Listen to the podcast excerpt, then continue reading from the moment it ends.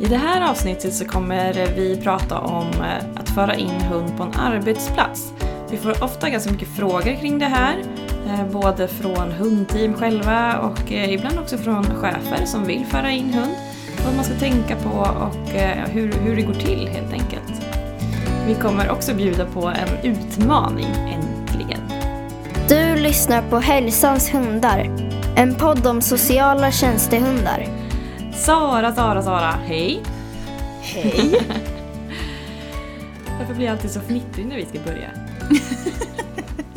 Ja, förra gången när vi skulle spela in så fick vi en fnitterattack så att det gick liksom inte. Vi fick eh, säga till och skärpa oss och den har jag lagt som en blooper. Den kommer jag att bjuda på när, när man minst anar det. Ja, ja nej, men man blir så glad på något sätt. Det är inte så att vi fnittrar oss genom livet men eh, man blir väldigt glad eh, när vi ses och hörs så här. Ja, ja. Du, eh, vad har hänt som sist då? Vi måste ju köra lite avstämning. Ja, men eh, det rullar på som bara den. Jag har varit på en massa projektmöten inför eh, spännande framtida projekt. Mm. Och igår fick jag ett jättekul mail. Vi var ju i Amsterdam i oktober och föreläste och hade en workshop med hundar också. Jag hade ju med mig kompis bland annat. Mm. Eh, och ehm, eh, Open University i Holland, som också är väldigt engagerade i Ayahayo, som vi också brukar prata om ganska mycket. Eh, de har bett om att få använda materialet som vi delade ut eh, på plats, på engelska då, Mm. eh, i sin nya kurs i antrosologi. Mm, så himla spännande. Ja, det är väldigt, väldigt kul. Så det känns, eh, känns jätteroligt och eh, har man tur så får man kanske till och med komma dit och föreläsa. Vem vet? Mm, Ja, man hoppas. Mm. Ja, jag ska faktiskt föreläsa på um, måndag. Eh, Och idag när vi spelar in det här är det ju en fredag för övrigt. Så att efter helgen nu så ska jag till någon socialpedagogikutbildning utanför Borås någonstans tror jag det är. Så ska jag föreläsa om eh, ja, allt möjligt verkligen. Jag har fått så jättebreda frågor så att det, det blev lite så, jag måste begränsa lite grann. Eh, Men jag ska prata lite om hur det är att arbeta inom LSS och lite om Stallikens verksamhet där jag jobbar och sådär. Så att eh, ja, det ska bli väldigt kul. Jag har suttit nästan hela veckan och så här inte sista minuten förberett, men du vet putsat och så här, det här kanske. Och jag älskar ju att prata om, jag vet inte, saker som kanske inte alla andra älskar, jag har ingen aning. Men eh, jag, eh, till exempel så gillar jag så här normkritiska grejer. Eh, Så att jag kommer, ja, det här sänds ju efter så att ifall någon råkar lyssna. Nej men jag kommer till exempel ställa frågan om, om man föreställer sig en läkare bara som exempel nu då så här. Så ska man föreställa sig den i vit rock och sådär. Och så hur många har föreställt sig läkaren som kvinna? Hur många har föreställt den som man, till exempel? Just Hur många har Ja. en brun hudfärg? Hur många sitter i rullstol? Hur många föreställer sig Mm. det liksom? Just för att bara så här väcka tanken eftersom föreläsningen handlar just om eh, LSS och funktionsvariationer och sådär. Så det är det jag jobbar det. med. Men eh, superskoj ska det bli. Ja, gud vad roligt. Båda Och du och jag, det är inte länge kvar till vi ska åka och föreläsa på SLU också. Nej, det ska bli jättekul. Båda vi gillar ju att föreläsa och är väl ganska bra Ja. på prata. Så en liten shout-out till alla som är där ute som kanske då skulle vilja att vi kommer och föreläser på en arbetsplats Ja. eller för personal eller för politiker för den delen så Ja, eh, gör vi mycket gärna det. Ja, eh, verkligen. Jag tycker att det är jättekul. Jag tycker att det är spännande att så här, skräddarsy upplägget lite för målgruppen eller den jag ska prata inför och vad de också vill ha ut av det. Mm, Nå, nå, det ska jag göra. Kul. Mm. Apropå föreläsningar och eh, okunskap och kunskap och eh, så vidare så tänkte vi ju faktiskt prata om just det här med att ta in hund i verksamhet och hur lyckas man? Hur ska man göra? Vi hade ju en, eller förra avsnittet var ju intervjuer med två stycken som faktiskt har fått eh, både projekt och eh, anställningar eh, igångkörda helt enkelt. Och, Ja. Eh, De berättade ju lite grann om hur de har gjort och bland annat då via projekt fått lite mer hållbarhet i, i sin verksamhet. Och jag fick tyvärr igår ett meddelande från en kund som berättade att eh, nya chefer visar sig ska vara lite på styva linan och det första som ryker då är hundarna. Ja. Eh, nya riktlinjer på en, en, i en verksamhet och då tycker man att nej men, hundarna ska vi förbjuda bort. Liksom. Jättemärkligt för det är liksom kommer att bli ett enormt tapp rent hälsoekonomiskt i det. Ja, det här är ju ett viktigt ämne och nu kanske vi inte ska gå in liksom djupt in i ekonomin utan mer hur man, ja, man har saker att tänka på och sådär. Men vi får ju en hel del frågor om det och vi får en del frågor också om men hur lätt det är att få jobb typ. Och det är ju det som är så krångligt med det här att det är inte, eller det är sällan det ligger liksom ute på Arbetsförmedlingens hemsida. Eh, utan att det handlar mycket om att veta själv hur man får in hund och hjälpa chefer med hur man kan gå tillväga till exempel. Eh, eftersom Mm. det här fortfarande, det går ju verkligen framåt men det är ju fortfarande lite nytt. Mm. Så, Precis, Ja, och och det- bemanningen för övrigt hjälper ju till jättemycket med det också tycker jag. Gör det tillgängligare där de kan gå in och hjälpa till. Men den med HVSO Ja, exakt. Ja. HSOs Mm. bemanning. Med, vi hade ju henne i ett avsnitt också för ett tag sedan. Precis, och det kommer väl kanske finnas anledning att ta in henne igen nu när det är en nytt bolag bildat och, och eh, det rullar ju in ganska mycket jobb ändå. Vi har ju inte ens kunnat marknadsföra det för att Nej. vi, vi har inte riktigt kapacitet att eh, leverera eh, utbildade hundteam. Så att för vår del är det ju väldigt spännande att se hur, hur det här kommer att utvecklas. Ja, och det, jag ser ju att hon lägger ut förfrågningar då och då. Det är ju en hel del runt Stockholm just nu.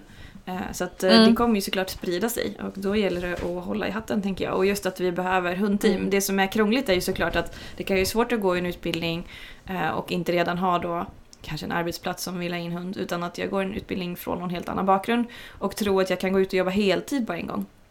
Eh, utan Nej. de flesta börjar ju faktiskt med, de tar sådana här uppdrag en gång i veckan, två gånger i veckan och så får de ett till ja. och så får de ett till och så, och så går det framåt. Eh, och så mm. vips så står man där med faktiskt ordentligt med, med uppdrag.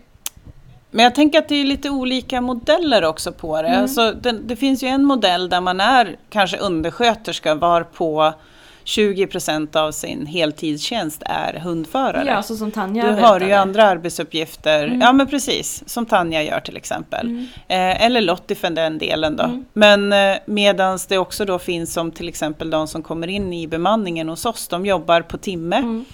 Eh, och eh, har då andra, kan, man kan ju vara antingen så är man eh, inte vet jag, sjuksköterska eller eh, jobbar med någonting annat en viss procent av sin eh, intäktstid Mm. och sen så jobbar man deltid med, med att vara hundförare. Så det finns ju väldigt många olika modeller på det. Ja, och det kanske arbetstidsmässigt är lite samma sak men, men den sista där är ju mer e- alltså just egenföretagare.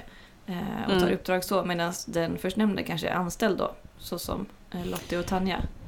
Precis, och nu har vi faktiskt tittat på just det här i bemanningen Mm. och det kommer att gå att bli anställd också. Mm. Ja, Man, man behöver inte vara entreprenör för att, eh, att jobba i bemanningen. Och sen berättade faktiskt också Anja, eh, som håller i våra kurser uppe i Nordmaling och i Östersund, att eh, Östersunds eh, kommun och deras bemanning har ju öppnat upp nu för att boka upp fler hundteam. Ja, det Så det är ju häftigt. fantastiskt Deras egna kul. bemanning, alltså inte någon Ja. sån här eh, som lägger ner själ och hjärta för just hundar. Så som, Nej. så som vi och så Utan- som... Ja, Nej, Eh, precis. utan, utan- bemanningen som du bokar upp eh, Ja, vanliga- sköterskor precis. eller vad det nu kan vanliga vara. vikarier på, och liksom. sådär. Ja, det är Mm. jättehäftigt. Eh, Det går framåt som sagt och det är lite spridda skurar Ja. så, vart det är. Det händer. Men alla sådana positiva exempel är ju bra för spridningen så att säga. Och det Ja. tyckte jag om som i förra avsnittet när Tanja pratade om det, att vi måste ju samarbeta och det är ju för att få någon in en fot. Så ser någon annan, eh, någon annan ansvarig eller chef eller sådär ser Mm. att där går ju det, då borde vi också kunna lösa det. Vilket kan leda till Mm. uppdrag för mig till exempel. Mm. Så det är verkligen på den nivån att vi måste samarbeta Mm. och det är positivt vad som syns utåt. Ja, men precis. Men hur lyckas man då? Vad tänker du kring det? Eh, och få, eh, ja precis. Jag tror att det dels såklart handlar om eh, förarens men, kompetens och så, vad man har, kanske har för utbildning och så. Men är man, eh, liksom, eh, har man bytt bana i livet så att säga, då är det ju väldigt mycket också på ens egen förmåga att ja, men, sälja in sig eller sälja in konceptet och vi, liksom, visa framfötterna som det så fint heter, vilket jag själv är ganska dålig på.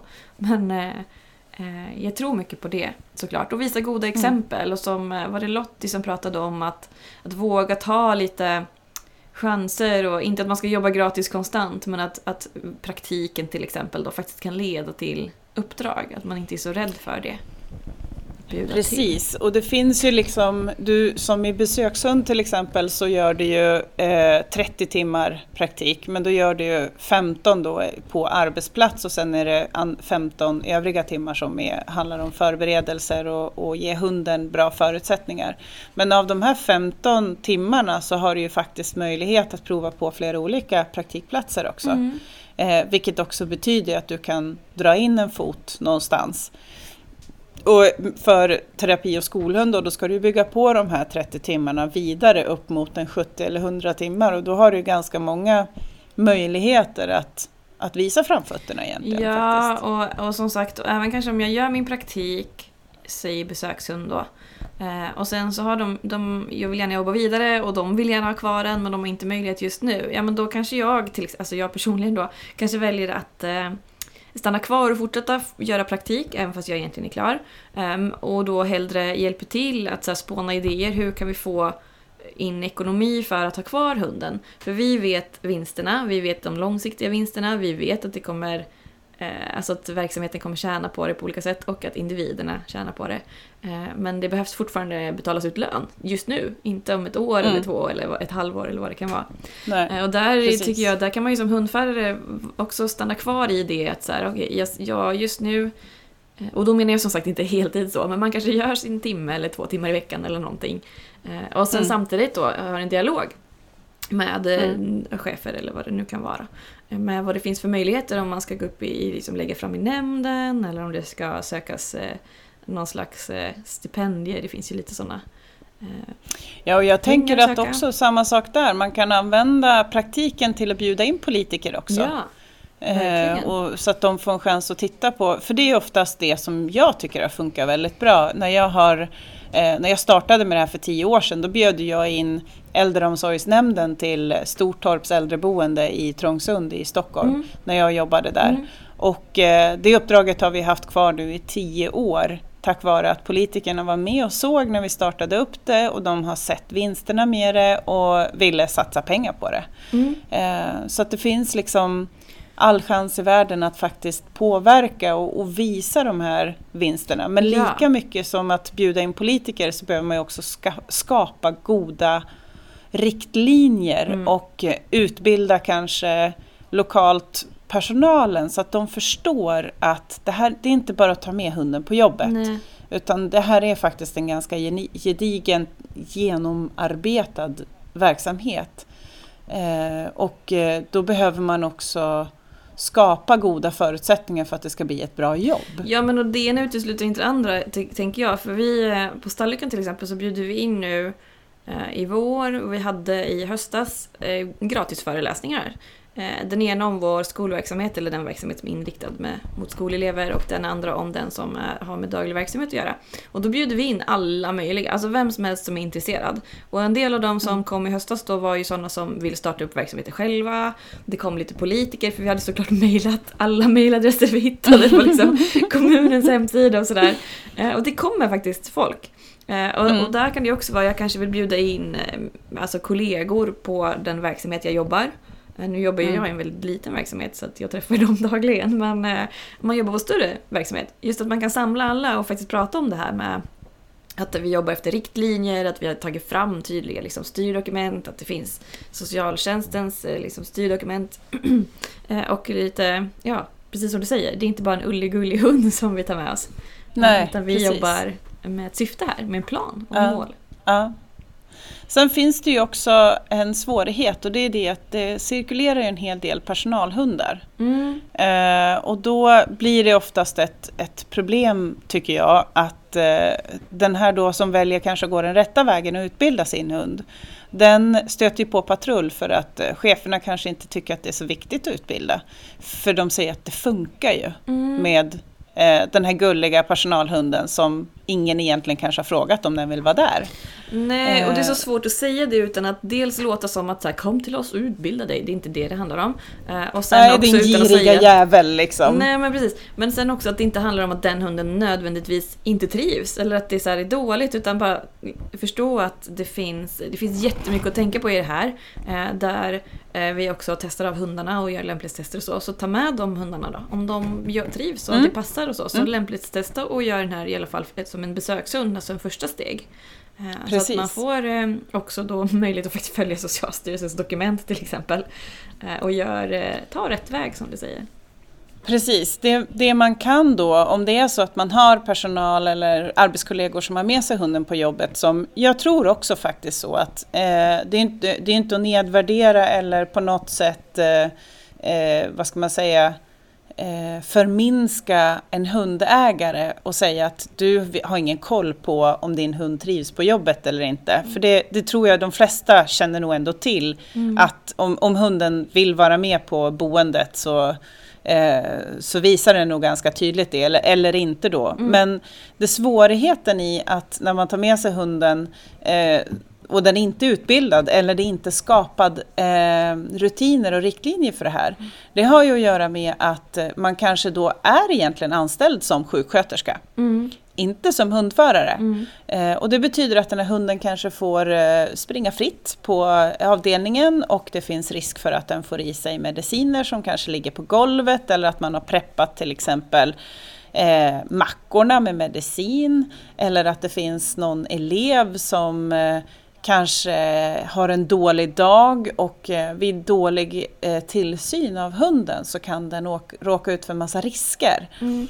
Eh, och det är väl lite därför vi tycker att eh, utbildar man sig då så kan vi berätta hur man på ett snyggt och prydligt sätt kan hantera det här så att det blir, det blir bra verksamhet och bra ekonomi i det. Det blir Ja. så att du kan utföra dina arbetsuppgifter och ändå arbeta med hunden fast på ett annorlunda sätt istället. Ja, och också alltså, i utbildningen ingår ju också hur kan jag jobba med min hund? Alltså hur gör vi det här trevligt för hund och deltagare, eller de jag jobbar med? Precis, precis. Och det finns ju en hel del djurskyddsaspekter man måste tänka på. Lagar och tänka på och liksom eh, framförallt eh, i och med att Socialstyrelsen har tagit fram den här vägledningen också så behöver man ju tänka på arbetsmiljön. Personer som är allergiska och hundrädda ska tas hänsyn till och eh, eh, man kan på ett riktigt bra sätt skapa olika zoner på arbetsplatsen till exempel. Mm. Ehm, Det finns mycket som man får med sig i de här utbildningarna som kan vara rätt så bra. Vi brukar ju säga det att ja, men, eh, barn är ju också gulliga. Men vi tar inte med oss dem på äldreboendet hur som helst liksom, och sätter dem i knät på någon och går iväg och jobbar. Liksom. Eh, men det är en liten eh, liknande eh, liknelse som kan vara ganska effektiv att tänka på. Eller att jag till exempel, jag skulle ju inte då helt plötsligt ta ett jobb eh, eller följa med någon och eh, säga att ja, men jag kan ta sprutor på någon. Jag tycker att det verkar lite kul. Eh, för jag behöver ju en ut, utbildning i att göra det också såklart. Ja men precis, utbildningarna ger ju såklart mycket, annars skulle ju inte så många ha valt att gå utbildningen också. Men det är ju som sagt då att om man nu känner att man, man har koll, ja men då är det ju fortfarande väldigt lätt att gå en, en sån här utbildning. Och om verksamheten uppskattar de här hundarna som är outbildade i dagsläget, ja men då kan ju faktiskt verksamheten stå för kostnaden för själva utbildningen och så har de ju hunden, det flyter ju bara på. Men de får Precis. legitimitet bakom det. Eh, Ja, och, exakt. eh, Så. Eh, Men ja, det finns jättemycket att prata om och riskerna med det här, de, de kvarstår ju även för våra utbildade hundar. Alltså det är ju det Mm. som vi, vi pratar om mycket med allt ifrån risker för hunden eh, till risker kring deltagarna som kan vara vad som helst, skör hud och Mm. alltså precis vad som helst, att hund, eh, ba- barn blir skrämda eller ja, allt möjligt. Som vi Ja, pratar om visst. ju. Mm. Eh, Och det med smörgåsar som du sa, eh, det är för mig som inte har jobbat så mycket inom, alltså bland äldre, eh, eller med Mm. äldre, så var det, jag har faktiskt inte tänkt så mycket på det eh, förrän, ja, förrän vi har pratat om det helt enkelt. Nej, alltså jag har sett sådana skräckexempel på mackor som är preparerade och jag tänker så här, hur, hur i eh, H-vete ska den här personen få i sig den här mackan med en massa hårda tabletter i liksom? Nej, och alla tabletter Eh. får ju inte krossas, men då får de ju heller inte tuggas generellt. Eh, Men det där är, det är en helt egen grej. Jag har ju massa delegeringar Ja. under mina år, så det är klart att så, sånt har jag lite koll på. Men just det här, Mm. om någon på till exempel ett boende säger får jag bjuda hunden på den här smörgåskanten liksom. Då Mm. gäller det ju att ha varit med där och veta om den här smörgåskanten har varit då preparerad Mm. med någonting eller, eller Mm. inte. Mm. Eh, Jag vet ju, eh, jag vet inte om jag berättade det förut, men jag, när jag började jobba med min första hund, Alfons, då hade, besökte jag en finsk kvinna på ett äldreboende där i Stockholm. Och hon hade ju sparat mjölk till honom. Så varje vecka, då kan vi tänka oss att den där mjölken har stått en vecka på hennes nattduksbord. För att hon har sparat den till honom liksom. Och det var ju så himla fint. Men det jag gjorde egentligen då var ju bara att jag gick och hämtade ett nytt glas mjölk i köket. Mm. Och så bytte vi ut det lite snyggt bara liksom. Så att hon ändå fick ge Det den här mjölken. Det var ju liksom största höjdpunkten på hela, hela, hela dagen var ju just det liksom. Men man skulle ju lika väl kunna, alltså skulle man hamna i en sån situation där man, de vill ge hunden någonting så eh, antingen så får man avleda det lite snyggt och bara säga det att du, jag har ju motsvarande oxfilén här i fickan, ja, så vi, vi tar den här godisen istället för den där brödbiten liksom. Ja. Och så kan man byta, och det köper de ju liksom, det är oftast inga problem. Eller så kan man då som, hon var ju, hon fattar ju liksom att det, det var glaset på hennes nattduksbord som hon ville bjuda på liksom. Mm. Och då fick man liksom bara lite snyggt, antingen fick en sköterska gå in och byta ut det lite snabbt bara genom att man pratade och så fick liksom bara man göra det lite bakom ryggen eller så, så kunde man liksom komma in och säga det att du jag hämtade lite mjölk här, ska vi ge han det lite? Och det var ju bara en centimeter i ett glas Ja. liksom, så det var inte mycket mjölk så men det var så fint att se de två. Han hoppade upp i sängen och han slafsade i den där mjölken. Liksom. Hon skrattade högt. Och det, var, det var en skitmysig stund verkligen. Ja, och där är det ju såklart också beroende på vad jag jobbar för med målgrupp. Alltså så, för en del så pratar man ju om att nej men det där kanske är lite då- dåligt för hunden, att man kan prata Ja. om det. Och för andra så blir det ju, eh, kan det vara svårt att förstå och att det snarare blir som en kränkning, att det jag ger eh, är dåligt. Eh, Precis. Och en del, jag har en deltagare som är väldigt känslig för att det blir fel och skulle kunna ta väldigt illa vid sig om man måste säga att om du ger den där så ja, men är det gift för min hund. Eh, Mm. Och där kan man ju behöva ta andra vägar då. Men självklart ger man ju inte, alltså de får inte ge choklad eller vindruvor. Nej. Alltså det är inte det det handlar om, men- men att hitta fina vägar. eh, Alltså det är ju någon slags etiskt, alltså kring bemötandet av deltagarna vi jobbar med. Precis, och det. där kommer vi väl åter in på det här med bakgrundskompetens också. Att, eh, oavsett om det handlar om att bli anställd eller att arbeta med målgruppen så har man ju större chans att vara lyckosam om man har kompetens om den målgruppen man arbetar med. Ja, ja Eh, precis. Jag hade ju inte det om äldre till exempel när jag började jobba med det här men nu har jag hållit på med det i tio år. Mm. Eh, Så att nu upplever jag ändå att jag har både pluggat eh, på högskolan och eh, läst på Mm. eh, och så. Men jag kan inte påstå att jag är expert på just demensfrågor eller liksom äldreomsorgen i den bemärkelsen. Mm. Eh, Men, eh, men det, det är helt klart en stor fördel att, att eh, i alla hänseenden faktiskt ha en, en bra bakgrundskompetens om den målgruppen man ska jobba med. Ja, verkligen. Och det finns ju väldigt mycket kurser och material att ta del av. Mm. Men du... Mycket gratis. Ja, faktiskt. Eh, Du, jag tänkte på en helt eh, annan grej och det är ju om vi nu tänker att vi vill införa hund på en arbetsplats.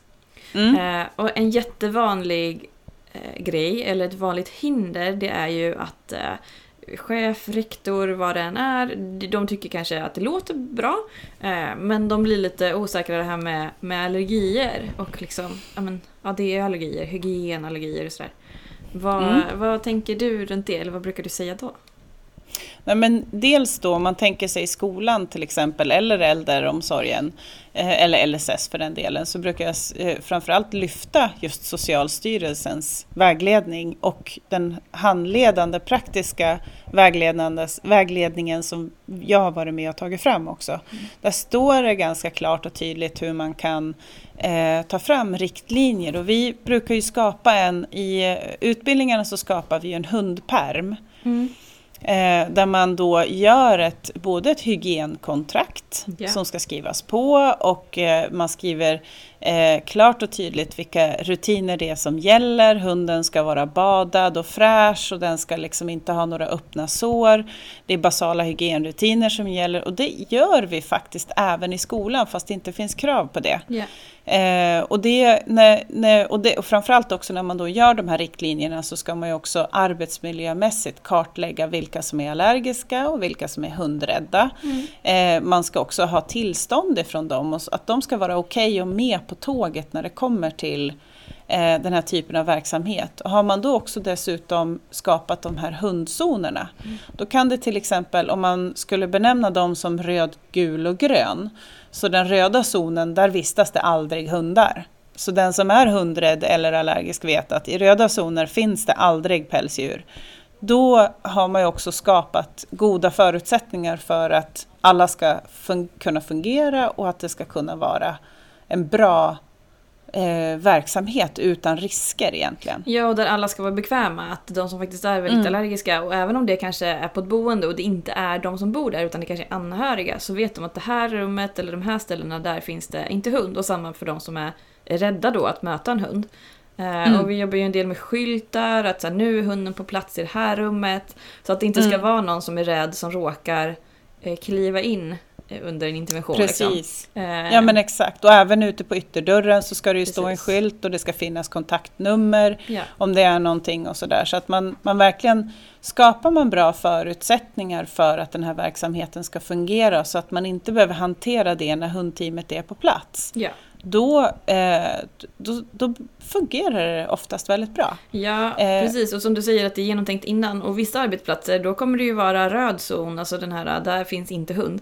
Kanske är större delen av stället. Och så kanske det är ett rum Mm. med en ingång Mm. där hunden Ja. vistas. Och på min arbetsplats är det tvärtom. Vi har ett rum där hundarna, eller djur generellt eftersom vi har fler djur, inte vistas. Och sen har vi Mm. överallt annars så finns det djur. Och det är för att vi jobbar på en gård och, och det, poängen är Ja, att det är en precis. djurmiljö. Men, men att det ser Exakt. så olika ut och att Ja. det finns egentligen inget, alltså det finns ju inte rätt eller fel, utan gör det som är bra för verksamheten. Eh, Och Precis, och, möjlighet. har man till exempel två hissar så kan en av hissarna vara röd och den andra kan vara grön. Ja, Eh, och har man då kor- olika korridorer så kanske de blir gula. Mm. Där man då beskriver att här kan hunden eventuellt promenera igenom men den, den används inte i verksamhet nej, här. den jobbar inte där och är, vistas Nej. inte där. Nej, Nej. precis. Och sen vet jag väl att eh, en del eh, ja, men skolverksamheter och lite läshundar och sånt, de får ju ibland fixat sig på helt andra sätt. Att man ordnar som en liten barack låter så sjaskigt, men det heter väl det va? Alltså husbil, Mm. eller en separat byggnad eller, kan ja, det ju precis, vara, En liten liksom. separat byggnad. Där hunden Mm. är och där man inte tar in den in i den, den stora skolbyggnaden så att säga. Eh, Precis, men, jag vet eh, att Astma och Allergiförbundet har ju eh, skrivit eh, att de önskar ju att just hundar i skolan ska vara i en separat byggnad. Mm.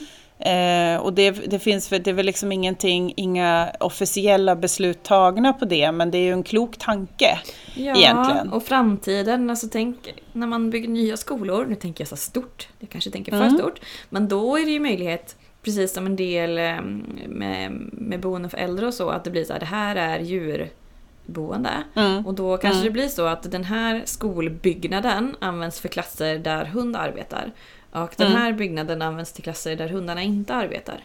Mm. Eh, och att det blir så, ja men valmöjligheter och allt det här. Mm. Eh, Jag pratade ju faktiskt med en, en rektor på My Dog Ja, som berättade just om att eh, de håller på att bygga en ny skola och att där skulle det också verkligen tydligt vara så att det fanns hundzoner och inte. Liksom. Mm. Och jag vet att det också finns en skola som håller på att byggas i Västerås där det ska också vara något liknande. Framförallt en hundkoja vet jag att man ska ha och man ska ha en yta utanför biblioteket där man kan eh, också ha hunden med sig på något sätt när man lånar böcker och sådär. Så att eh, det ska finnas eh, möjligheter. Och det, jag tror att det kommer mer och mer. Jag vet på Värmdö till exempel där eh, Lina och Torbjörn jobbar. Mm. De har ju, jag tror det heter Bruns skola, de, de har ju ett eget hundhus Mm. vet jag. Mm. Eh, så att det liksom är, och vi var ju och examinerade en hund förra eh, veckan i, eller i måndags var det väl tror jag, i Nacka. Mm. Och, och där var vi också i en separat byggnad. Så ja, det, och många skolor är ju liksom... byggda så. Eh, kanske inte ja. alla såklart, men och det är ju då de kanske bygger upp något, li, något litet mindre. Eh, ja. Men eh, ja, i alla fall så finns det ju väldigt många vägar att gå. Och vill man lösa mm. det så går det ju att lösa, tänker jag. Eh, just den delen ja, det gör i alla fall. Men det är ju som sagt vad man behöver skaffa sig kunskapen. kunskapen och vi har ju skrivit en stor del om det här i våran bok också. Ja, absolut. Jag satt precis och tänkte så här, nu har vi pratat jättelänge utan att nämna boken. Men det, mm. allt det som vi pratar om finns ju faktiskt med där. Eh, med ja, lite punktlistor och lite sånt där. Ja men precis, lite sådana checklistor, vad ska man tänka på och sådär. Ja. Eh, och bland annat då eh, kan det också vara fiffigt att man har en, eh, en arbetsväska. Jag vet att du jobbar inte med arbetsväska för att du har ju allt ditt på ditt jobb. Jag är ju på samma ställe hela tiden så det känns ja. bara onödigt att släppa runt på det. Eh, men det är precis. ju samma poäng, alltså man har en, ett mm. material som man utgår ifrån. Precis, jag vet Nina, eh, vår kollega som jobbar i Stockholm, med, hon har en eh, chihuahua som heter Albin och eh, en till chihuahua som heter Bella som hon jobbar med och sen har hon en, en eh, Ossie som heter Batman som är under utbildning. Mm. Eh, hon har ju hela sitt bagageutrymme i sin bil fullt med material. ja, men det där beror ju på vad man jobbar med, vad man har för målgrupp ja. och vad liksom, interventionerna går ut på. För jag jobbar ju jättemycket eh, med vad ska man säga, naturen. Alltså de, man vill lägga spår och man vill gömma vante och man vill träna lite tricks och sådär. Mm. Så jag har förhållandevis mm. lite material jämfört med mm. vad man kanske släpper med sig när man ska in på ett boende och det inte finns en hel skog att jobba med. Eller vad det kan Precis. Vara. När eh, deltagarna är lite mindre rörliga så behöver man vara lite mer påhittig mm. kring mm. material och sånt där. Ja. Och äldreboendena blir det mycket aktiveringsspel och färgbingo och, och ja, sådana saker. Och det finns en bild i boken faktiskt med mm. hur en arbetsväska kan se ut. Men vad har du i din arbetsväska då? Bara lite exempel. För jag tänker så här, de, de tråkiga delarna är så handsprit, kanske någon liten handduk att ha i knät om de, vissa har kanske fina kläder på sig eller så. Ehm, mm. Och lite sådana saker, handduk till tassar eller till hunden såklart. Men mer mm. då? Vad kan man ha mer? Ja men framförallt tjänstetecknet är ju alltid med i väskan så att man tar på det när man ska in och ID-handlingarna. Mm. Eh, och sen så har jag alltid ärtpåsar med mig för de kan man göra så mycket med. Man kan, ha, man kan göra färgbingo, mm. man kan ha eh, adderingslekar. Eh, det, man kan, eh, varje siffra kan representera olika tricks till exempel. Mm. Eh, men även då eh, har jag en, en filt eller någonting som man kan skydda möbler om det skulle vara så att man ska få upp hunden i en soffa eller en stol eller någonting sånt. Eh, och sen då givetvis vattenskål och belöningsgodis. Och då, då har jag oftast med mig godis av olika sorter också. Eh, gärna kanske morötter som deltagarna får ge. Mm. Eh, för ibland kanske det slinker ner en i deras egen mun. Yeah. och sen så har jag kanske någonting själv också för att gasa upp hunden. Om det skulle vara så att hunden tappar lite energi eller så, så kan man ha lite godare godis och liksom få lite mer motor i hunden så att säga. För det är också godis, eller belöningsvärdet har ju också olika funktioner ja. egentligen. Ja men absolut. Och kanske mm. behöver lite mot slutet, eh, när de börjar bli ja. trötta kanske man behöver ha lite godare. Till exempel. Ja, Vissa hundar kan ju aldrig ha det för att de blir så, så på tårna och så godisfixerade ja, som det låter negativt. Men det är ibland positivt. Men i, i arbetssituationen så vill man ju ha dem lite mer jämna. Ja. Sen har jag ofta en rasbok med mig. Mm. Eh, så att när jag jobbar till exempel med en äldre så kan de andra tillsammans titta i boken och, och prata om, om bilderna. Ja, jag gillar ju generellt saker som... Eh, alltså, eller jag gillar att lyfta tanken på att man kan också göra saker där hunden inte måste interagera hela tiden. Alltså det kan ju vara att hunden behöver en liten paus. Eh, mm. Eller att hunden har jobbat klart sitt pass men interventionen ska vara längre tid med deltagarna. Och just med mm. sådana saker. Böcker mm. om hunden, foton av saker man har gjort. Eh, minnen som man har gjort, lägga upp en träningsplan inför nästa gång. Nu pratar jag ju, det beror helt på målgrupp då. Eh, såklart. ja. Eh, man lägger upp en träningsplan, titta över så här, vad, är, vad ska vi lära hunden? Eller mm. jag som har jobbat en del med ungdomar, att man kan prata en del, ja, men lite nästan så här värderingsövningar och sånt. Vad gillar du? Mm. Vad gillar hunden? Hur ser det mm. ut när hunden är ledsen? Hur ser det ut när du är ledsen? Alltså lite sånt, där hunden inte hela tiden måste utföra saker och jobba aktivt. Utan den kan få en paus eller kanske till och med har eh, lämnats eh, på vila. Just Och det, vi- vi precis. Och själva pausmattan såklart. Ja, ja pausmattan, Den den, måste ju är ju med. Ja, såklart. Den läggs ju ut. Den ligger oftast i toppen på min väska så att jag lägger ut den först och Ja. placerar hunden där. Vad är en pausmatta Eh, då? Eh, ja men pausmattan är ju, egentligen så skulle jag vilja säga paus slash aktivitetsmatta för att eh, den använder jag ju även att till exempel ska de göra tricks eller någonting så kan mattan vara bra eller en yogamatta till exempel. Mm. Men eh, mattan är ju någonting som man kan skicka hunden till, eh, delvis om det skulle uppstå en situation om man vill skydda hunden, så ska mattan ligga på ett ställe att ingen kan komma åt hunden. Eh, men man kan också skicka eh, hunden till mattan för att till exempel pausa den när man ska förbereda inför nästa aktivitet. Så har jag gjort till exempel ett aktiveringsspel hos en person, då skickar jag hunden till mattan så den får vila medan jag preparerar och pratar med nästa person om, om aktiveringsspelet och så gör vi om proceduren. Ja, och det den är i lite hundträningsspråk är ju egentligen en form av target. En targetmatta. Ja. Där vi lär hunden att här ska du ja, ja, ligga still till exempel. Och det blir ju en hjälp för hunden istället för att jag ska lägga den på ett halt golv eller bara i tomma, tomma intet, menar på Mm. golvet vart som helst. Så har den ju en stor hjälp att på den här ligger du tills jag ber dig att göra någonting annat. Ja, och den är ju exakt. väldigt effektiv för det blir tydligt och hunden lär sig att där kommer jag få vara i fred. Ja, precis. Så den är, den är ju jättebra tycker jag. Mm. Ehm, sen är det ju, alltså akt- aktiveringsspelen är ju superbra. Det finns även någonting som heter aktivitetsmatta. Eh, som man kan gömma godisar i och sådär. Och det är också himla fiffigt. Och tärning brukar jag ha. Mm, Men jag, jag har också inte, jag har inte heller jättemånga eh, grejer. Eh, nu låter det som det är mycket ändå. men det mesta ryms i en liten sån här rullväska som jag liksom tar med mig. Eller man kan ha den på ryggen också. Ja, men precis. Ja, och som sagt det beror ju helt på vad man har tagit fram för övningar kring sin hund och så. Mm. Jag tänker bara som inspiration. Mina deltagare älskar hundbowling. Ja. Eh, Men eh, ja, det kan vara, det är lite skrymmande eh, att släppa runt på sådana käglor och det är också, eh, det finns många fina käglor i skumgummimaterial och det finns i lite lätt Mm. plast och så. Men vi som jobbar mycket utomhus, då kan jag säga att de flyger iväg. så, Ja, så vi precis. borra hål i dem och hälla i lite vatten. Så att de Mm. står stabilt, för det är ju det där balansen liksom. De ska ju tippa när hunden kommer. Precis, och vill man göra en billighetsvariant på bowling då Mm. kan man eh, fylla petflaskor. ja.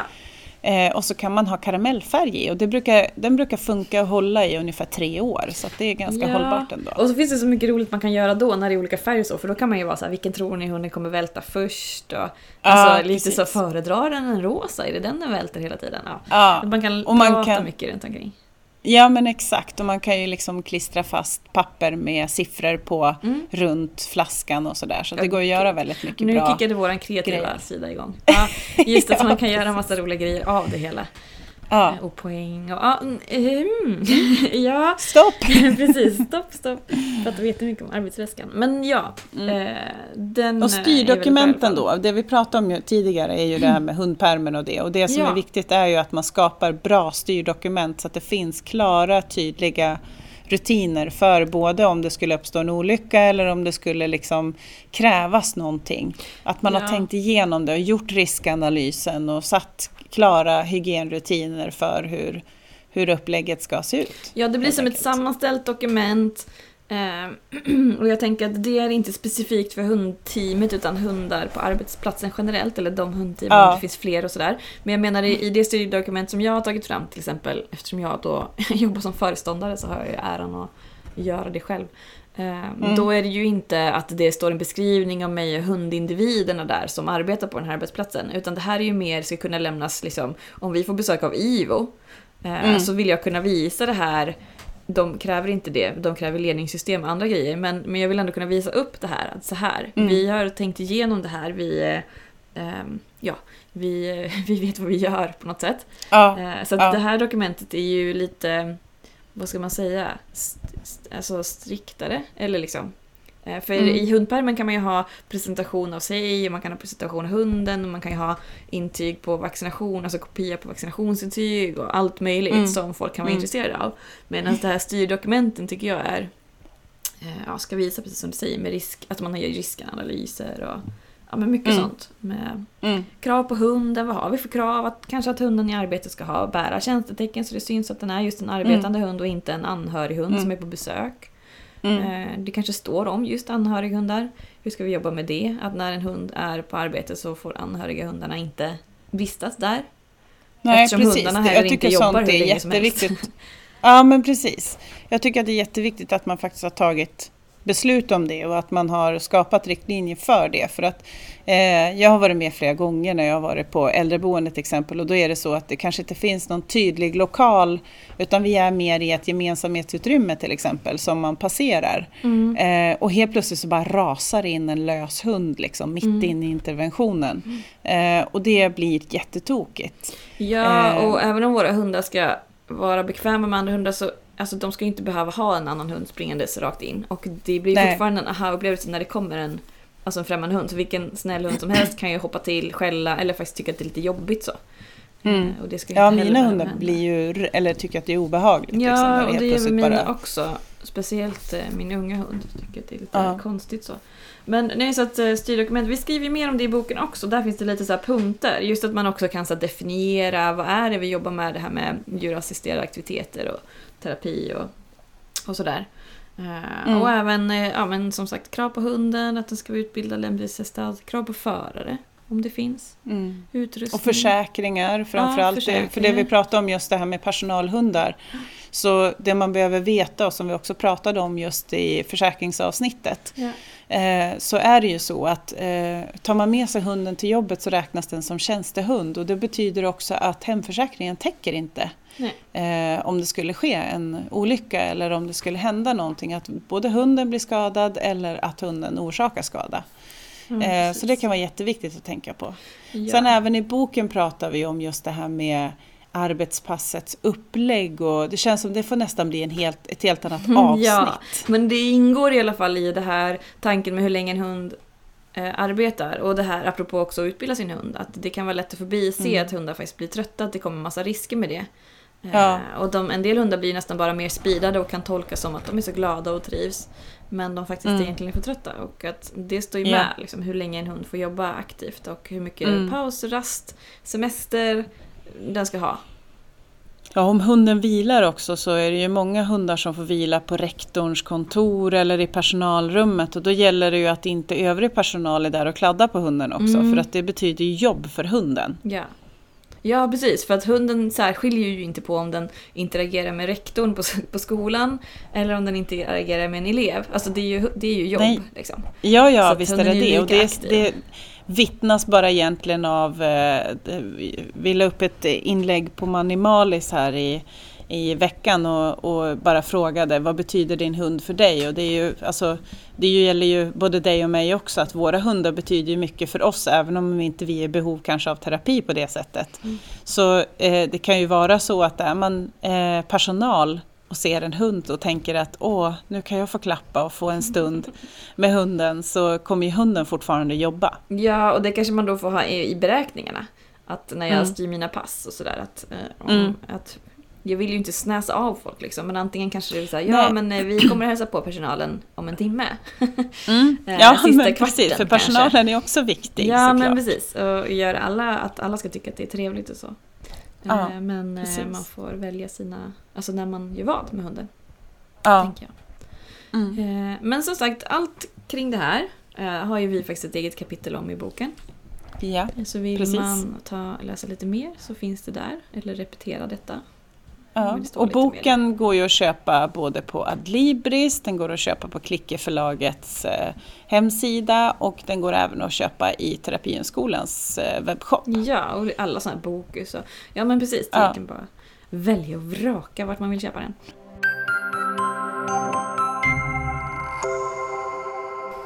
Du nämnde ju en utmaning. Ja, ja precis. Ja, vi har ju pratat om det, vi har frågat runt lite. Vi fick lite fina meddelanden och lite så PM som står på Facebook eh, och Instagram Mm. att folk eh, faktiskt uppskattar vår lilla utmaning men såklart inte vill att vi bränner ut oss och det tackar vi ju för. Tackar vi Ja. för. Det är väldigt snällt att du tänker på oss. Men nu tänkte vi att nu är det ju dags för en liten utmaning. Eh, Ja. Och då hade ju du någon idé som en liten utmaning till mig va? Mm, precis, jag har ju det så tacksamt att den, min hund gör ju det här av bara farten. Eh, så att jag har ju liksom bara fångat beteendet. Eh, jag har ju någonting som jag kallar, eller jag frågar Alvin om han är blyg. Och då lägger han sig på rygg och så lägger han tassen för nosen. Mm. Eh, och det är så eh, finurligt att han är lite deformerad, han har en lite sned tass fram faktiskt. Så när han ligger på rygg så lägger sig tassen automatiskt över Han nosen. Så jag ska inte ta cred för att jag har, vi, jag har klickat det såklart och han vet vad det innebär. Men, men vi har också haft det lite enklare i och med att tassen faller som den gör. Ja men han väljer att göra så helt enkelt. Det är en Ja, precis. Men eh, ja, hmm. Och då tänker jag att eh, för att visa på att eh, många av de här utmaningarna eh, tycker vi är kul att träna in på kort varsel. Så tänker jag att experten i, gänget här ska få visa lite hur hon kan träna in det. För vi, vi, många gör ju, när man ska träna in, många vill ju kalla det här för skäms. Ja, och Eh, och det tycker vi inte om riktigt, utan vi tycker inte hundarna ska skämmas, utan vi tycker kanske mer då att man kan visa på att man är blyg eller eh, hunden är fundersam eller du hade något, bra annat ord. ord. Ja, vad sa jag? Hmm.